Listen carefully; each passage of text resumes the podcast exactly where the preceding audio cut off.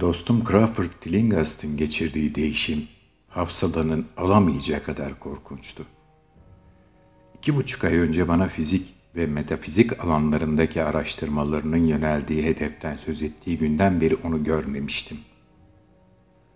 O zaman benim hayret ve korku içindeki çıkışmalarıma çılgınca bir öfkeye kapılarak beni laboratuvarından ve evinden dışarı atarak yanıt vermişti.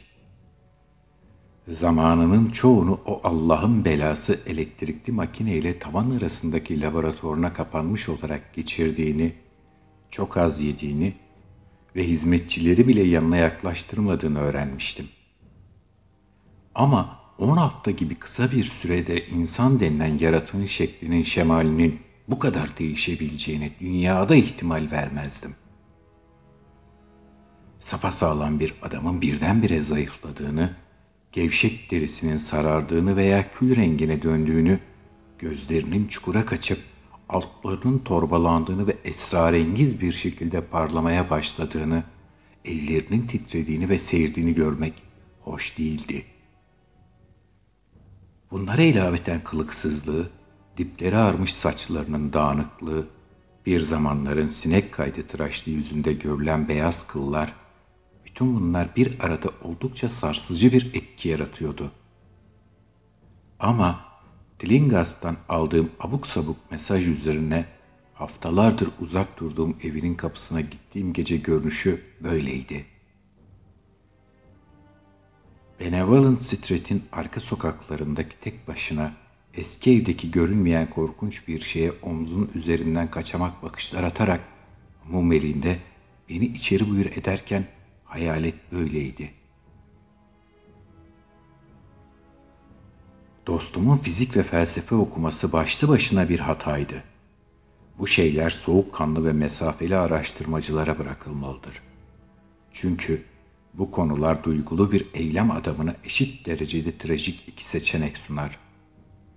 Araştırmasında başarısızlığa uğrayacak olursa umutsuzluk, başarıya ulaşacak olursa dile gelmez ve hayal edilemez bir dehşet. Tillinghast'ta daha önceki gelişimde başarısızlığın, yalnızlığın ve melankolinin kurbanıydı. Oysa bu defa mideme kramplar saplanmasına neden olan bir korkuyla görüyordum ki başarının kurbanıydı. On hafta önce keşfetmek üzere olduğu şeyi bir çırpıda anlattığında onu uyarmıştım. O zaman heyecanlanmış, yüzüne kan hücum etmişti ve doğallıktan uzak, yüksek bir sesle bilgiçlik taslayarak konuşmaya başlamıştı. Dünya ve bizi çevreleyen evren hakkında ne biliyoruz? demişti. Algılama yollarımız saçmalık derecesinde az. Çevremizdeki nesneler hakkında son derece az fikir sahibiyiz. Şeyleri ancak fiziksel yeteneklerimiz ölçüsünde görüyor, onların gerçek nitelikleri hakkında bir fikir sahibi olamıyoruz. Acınası beş duyumuzla sınırsız derecede karmaşık kozmosu anlıyormuş gibi yapıyoruz. Oysa daha çok sayıda daha güçlü ve daha değişik duyuları olan daha başka varlıklar, şeyleri bizim gördüğümüzden daha farklı görmekle kalmaz, hemen yanı başımızda duran ama bizim sahip olduğumuz duyularla varlığı saptanamayan tüm madde, enerji ve yaşam dünyasını görüp inceleyebilir. Böyle tuhaf erişilmez dünyaların yanı başımızda olduğuna hep inanmışımdır.'' ve şimdi de aradaki engelleri kaldıracak bir yol bulmuş olduğuma inanıyorum. Şaka etmiyorum. Masanın yanındaki şu makine 24 saat içinde bizi dumura uğratmış ya da gelişmeden kalmış olan bilmediğimiz duyu organlarımızı etkileyen dalgaları üretecek. Bu dalgalar insanoğlunun daha önce bilmediği birçoğu bizim organik yaşam olarak kabul ettiğimiz şeye yabancı yeni ufuklar açacak önümüze.''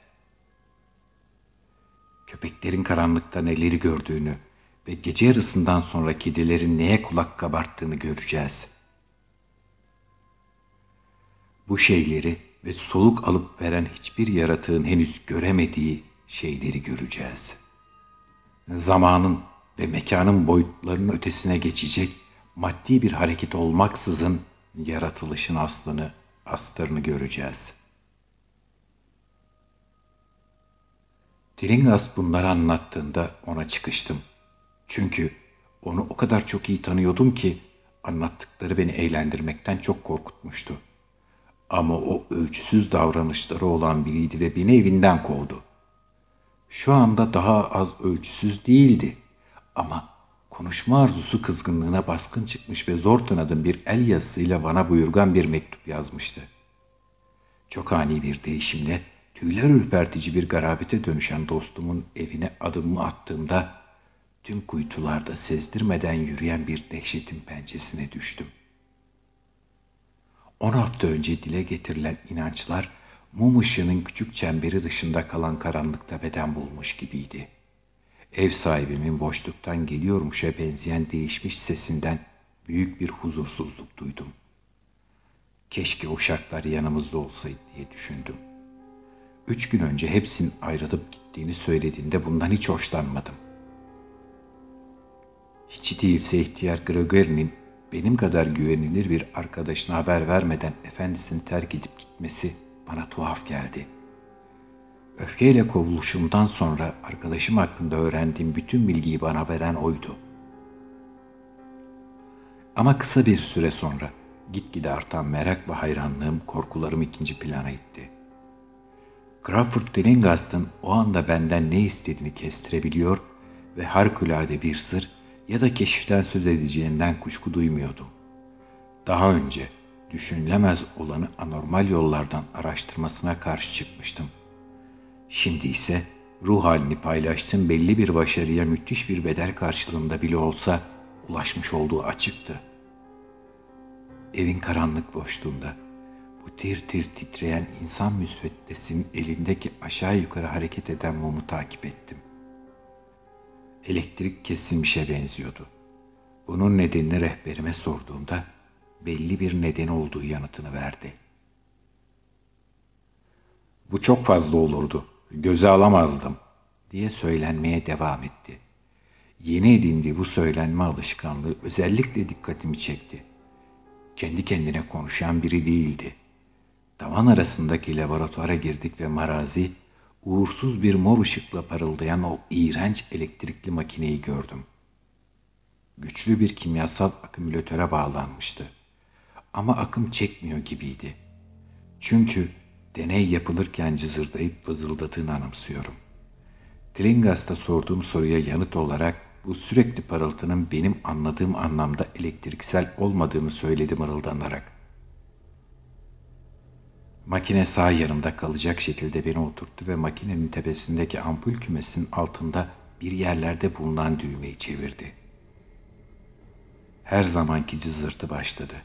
Sonra ses iniltiye dönüştü ve yeniden sessizliğe döndüğünü düşündüren yumuşak vızıltıyla sona erdi.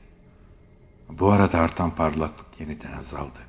Sönükleşti ve tarif edemeyeceğim bir renk ya da renkler karışımına dönüştü. Dilingas beni seyrediyordu yüzümdeki şaşkınlık ifadesini fark etti. Bunun ne olduğunu biliyor musun? diye fısıltıyla sordu. Bu mor ötesi ışıktır. Şaşkınlığıma tuhaf bir şekilde kıkır kıkır güldü. Sen mor görünmez olduğunu sanıyordun. Ki öyledir. Ama şimdi bunu ve daha birçok görünür şeyi görebilirsin. Beni iyi dinle. Bu şeyden yayılan dalgalar içimizde uyumakta olan birbirinden kopuk atomlar durumundan organik insanlık durumuna evrimleştiğimiz milyarlarca yılın mirası binlerce duyuyu uyandırıyor. Ben gerçeği gördüm. Sana da göstermek istiyorum. Tillingas bunları söyledikten sonra mumunu söndürüp gözlerini iğrenç bir şekilde gözlerime dikerek tam karşıma oturdu. Mevcut duyu organları Sanırım en başta da kulakların, izlenimlerin çoğunu yakalayacak çünkü onların uyumakta olan organlarla yakın bağlantıları var. Sonra diğerleri olacak. Beyin epifizini duydun değil mi? Şu su endokrinologlara, dangalak heriflere, Freudçu sonradan görmelere çok gülüyorum. Bu bez tüm duyu organlarının en büyüğüdür. Ben buldum. Nihayetinde bir görüş kuvveti gibi ve beyne görsel resimler gönderiyor. Eğer normal biriysen kanıtların çoğunu Demek istediğim, öte tarafın kanıtlarının çoğunu bu yolla alırsın. Mor ötesi ışınlarla loş bir şekilde aydınlanmış, her günkü gözle görülmeyecek olan güney duvarı eğimli geniş tavan arası odasına göz gezdirdim. Uzak köşelerin hepsi gölgeler içindeydi. Tüm tavan arası gerçek niteliğini gözlerden saklayan, hayal gücünü simgeciliğe ve fantaziler kurmaya davet eden puslu bir gerçek dışılığa bürünmüştü. Tilingast'ın sessiz kaldığı kısa süre içerisinde çok uzun zaman önce ölmüş tanrıların inanılmaz büyüklükte bir tapınağında sayısız siyah taş sütunun rutubetli zeminden gözün göremeyeceği bulutlu yüksekliklere uzandığı bir binada olduğumu zannettim. Gözlerimde canlanan resim bir süre için çok etkileyiciydi. Ama yerini yavaş yavaş daha korkunç bir kavrama, sonsuz, manzarasız, sessiz uzayın tam ve mutlak yalnızlığı kavramına bıraktı. Boşluktan gayri bir şey görünmüyordu. Doğu Providence'da yolum kesilip soyulduğum geceden beri hava karardıktan sonra hep yanımda taşıdığım tabancayı pantolonumun arka cebinden çekmeme sebep olan çocukça bir korku hissettim. Sonra uzaklığın en ileri bölgelerinden o ses yavaşça varoluşa adım attı. Son derece zayıf, ustalıkla titreşen ve yanılgıya meydan vermeyecek kadar ahenkli bir sesti. Ama etkisini tüm bedenimde incelikli bir işkence şeklinde hissettiren fevkalade vahşi bir yanı vardı.'' Kazara buzlu camı çiziktiren birinin hissettiği türden duygular içindeydim. Aynı anda benden uzaktaki sese doğru soğuk bir hava ceryanı oldu. Nefesimi tutup beklerken sesin de rüzgarın da kuvvetlenmekte olduğunu fark ettim. Bunun üzerimdeki etkisi bana doğru yaklaşmakta olan kocaman bir trenin önündeki raylara bağlanmışım gibi garip bir duyguya kapılmama neden oldu.'' Tringas'la konuşmaya başladım. Bunu yapar yapmaz da bütün o olağan dışı etkiler birdenbire yok oluverdi. Önümde sadece adamın parıldayan makinelerin ve loş tavan arasının durduğunu gördüm. Tringas neredeyse bilinçsizce çektiğim tabancaya bakarak pis pis sırıtıyordu. Ama yüzündeki ifadeden benim görüp duyduğum şeyleri belki de daha fazlasını görüp duymuş olduğuna emindim.'' Yaşadığım deneyi ona fısıltıyla anlattım. O ise bana sesimi çıkarmamamı ve mümkün olduğunca algıları açık olmamı söyledi.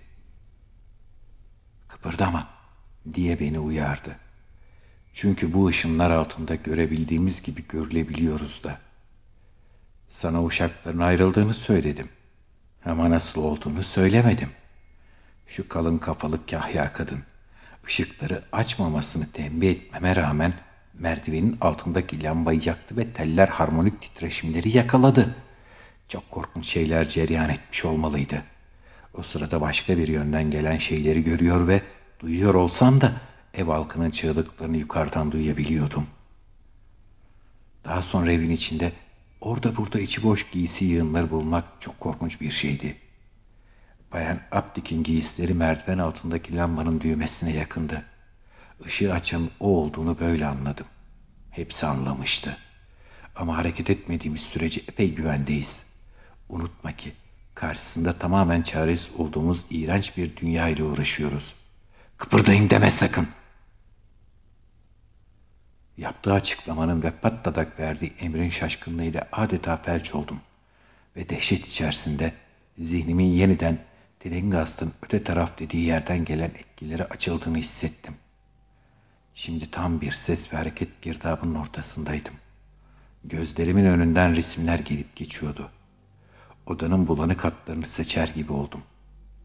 Ama sanki uzaydan bir yerlerden tanınamaz biçimlerde kaynaşıp duran bir bulut sütunu dökülüyor ve biraz ötemde sağımda bir noktadan sağlam çatı ilerliyordu. Sonra tapınak benzeri binayı bir an için yeniden gördüm. Ama bu defa sütunları daha önce gördüğüm bulutsuz sütunun yolundan göz kamaştırıcı bir ışın gönderen gökyüzündeki bir ışık okyanusuna kadar uzanıyordu. Sonra tapınak benzeri binayı bir an için yeniden gördüm. Ama bu defa sütunları, daha önce gördüğüm bulutsuz sütunun yolundan göz kamaştırıcı bir ışın gönderen gökyüzündeki bir ışık okyanusuna kadar uzanıyordu. Bundan sonra manzara bir çiçek dürbünündeki gibi durmadan değişmeye başladı.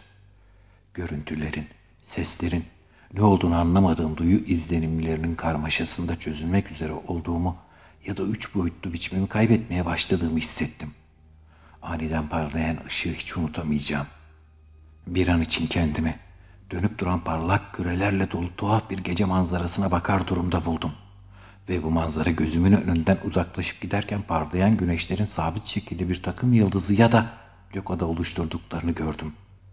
Bu sabit şekil Crawford Tillinghast'ın çarpılmış suratıydı. Bir an sonra kocaman canlı bir şeylerin hafifçe dokunarak yanımdan geçtiğini, zaman zaman da benim sözde üç boyutlu bedenimin içinden yürüyerek ya da sürüklenerek geçtiğini hissettim ve Tillinghast'ın daha eğitimli duyuları sayesinde onları görüyormuş gibi baktığını gördüm. Aklıma beyin epifizi hakkında söyledikleri geldi ve bu doğaüstü gözle neler gördüğünü merak ettim. Ansızın ben kendimde daha güçlü bir görüş kuvvetine sahip oldum. Aydınlık ve gölgelerle dolu bir karmaşanın yukarılarında bir resim belirdi. Bulanık da olsa yoğunluk ve sürekli arz ediyordu. Aslında bir miktar tanıdıktı bu resim. Çünkü olağan dışı kısmı tıpkı bir sinema görüntüsünün resimler çizilmiş bir tiyatro perdesi üzerine düşürülmesi gibi normal bir yeryüzü sahnesi üzerine eklemlenmişti. Tavan arası laboratuvarını, elektrikli makineyi ve karşımda oturan Tillinghast'ın çirkin suretini seçebildim. Ama uzamın tanıdık nesnelerce işgal edilmemiş kısmında zerrece boşluk yoktu. Betimlemesi olanaksız canlı ve cansız şeyler karman çorman birbirine girmişti. Ve tanıdık, bildik her şeyin yanı başında bir sürü yabancı bilinmeyen varlık vardı.'' Aynı şekilde bütün bilinen şeyler öteki bilinmeyen şeylerle ya da tam tersi bir birleşim oluşturmuş gibiydi. Canlı nesneler içinde en dikkat çekenleri makineden yayılan titreşimlerle ahenk içinde gevşek gevşek titreşen pelteyi andırır, kapkara ucubelerdi. İğrenç derecede çoktular ve dehşet içinde üst üste bindiklerini, yarı akışkan olduklarını birbirlerinin içinden ve bizim katı olduğunu bildiğimiz cisimlerin içinden geçebildiklerini gördüm. Bu şeyler bir an yerlerinde duramıyor. Kötü bir amaçla olsa gerek boyunu uçuyorlardı. Sanki bazen birbirlerini yutuyorlardı. Saldırganın kurbanın üzerine atılmasıyla diğerinin yok olması bir oluyordu. Korkudan tir tir titreyerek zavallı uşakları yok eden şeyin ne olduğunu anladım duygusuna kapıldım.'' ve çevremizdeki eskiden görünmeyen, yeni görünür olmuş dünyanın diğer özelliklerini de görmeye can atmama karşın bu şeylerden gözlerimi alamıyordum. Ama beni seyretmekte olan Tilingast konuşmaya başladı. Görüyorsun değil mi? Ömrün boyunca yanı başında ve içinde yüzen, çırpınan şeyleri görüyor musun?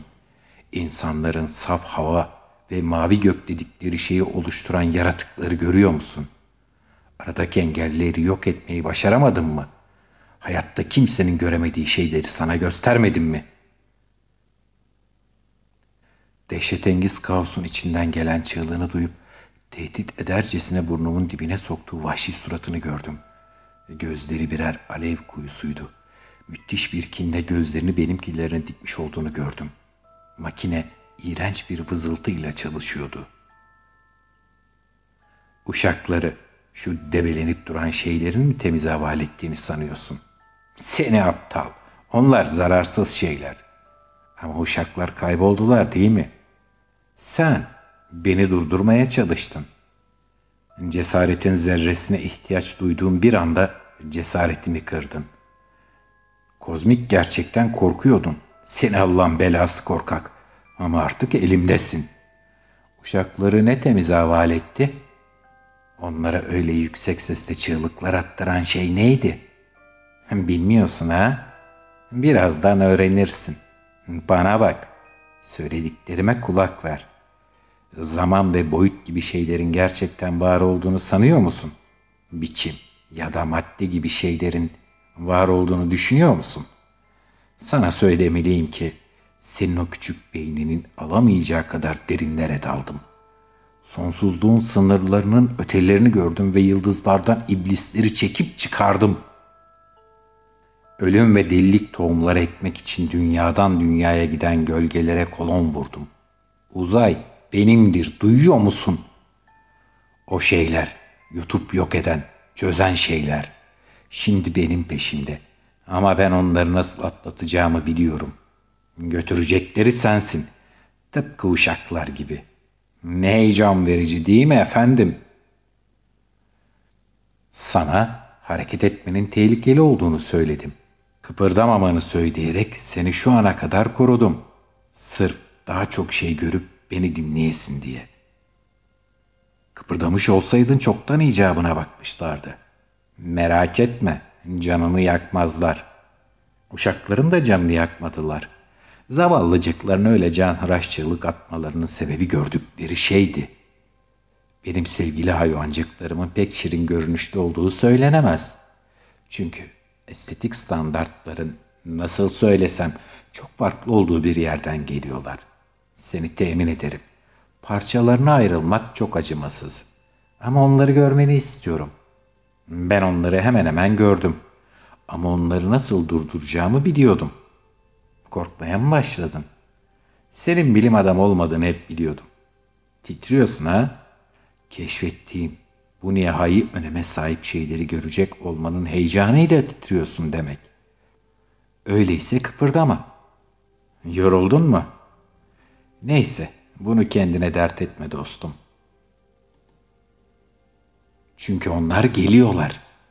Bak, bak seni Allah'ın belası bak tam sol omuzun üstündeler. Anlatacak pek fazla şey kalmadı. Gazetelerde okumuşsunuzdur. Polis eski Tilingast konağından gelen bir el silah ses duyup bizi orada buldu. Tilingast ölmüştü. Benimse bilincim yerinde değildi. Elimde tabanca olduğu için beni tutukladılar. Ama Tilingast'ın felç sonucunda öldüğünün ve benim kurşunumun şu anda laboratuvar zemininde paramparça saçılmış muzur makine isabet ettiğin anlaşılması üzerine 3 saat içinde salı verildim. Sorgu memurunun inanmayacağını bildiğimden ona gördüklerimle ilgili pek fazla bir şey anlatmadım. Ama olanları kabaca anlattığım doktor, kindar ve katil dilinin besbelli ki beni hipnotize etmiş olduğunu söyledi. Keşke doktora inanabilseydim. Beni çevreleyen hava ve başımın üzerindeki gökyüzü hakkında şu anda düşünmekte olduklarımı kafamdan atabilseydim, bozulan asabıma ne iyi gelirdi. Hiçbir zaman kendimi yalnız ya da rahat hissedemiyorum. Özellikle yorgun olduğum zamanlarda izlenmekte olduğum duygusu bütün iğrençliğiyle üzerime çullanıyor. Beni doktora inanmaktan alıkoyan basit gerçek şu. Crawford Delingast'ın öldürdüğü söylenen uşakların cesetleri hiçbir zaman bulunamadı.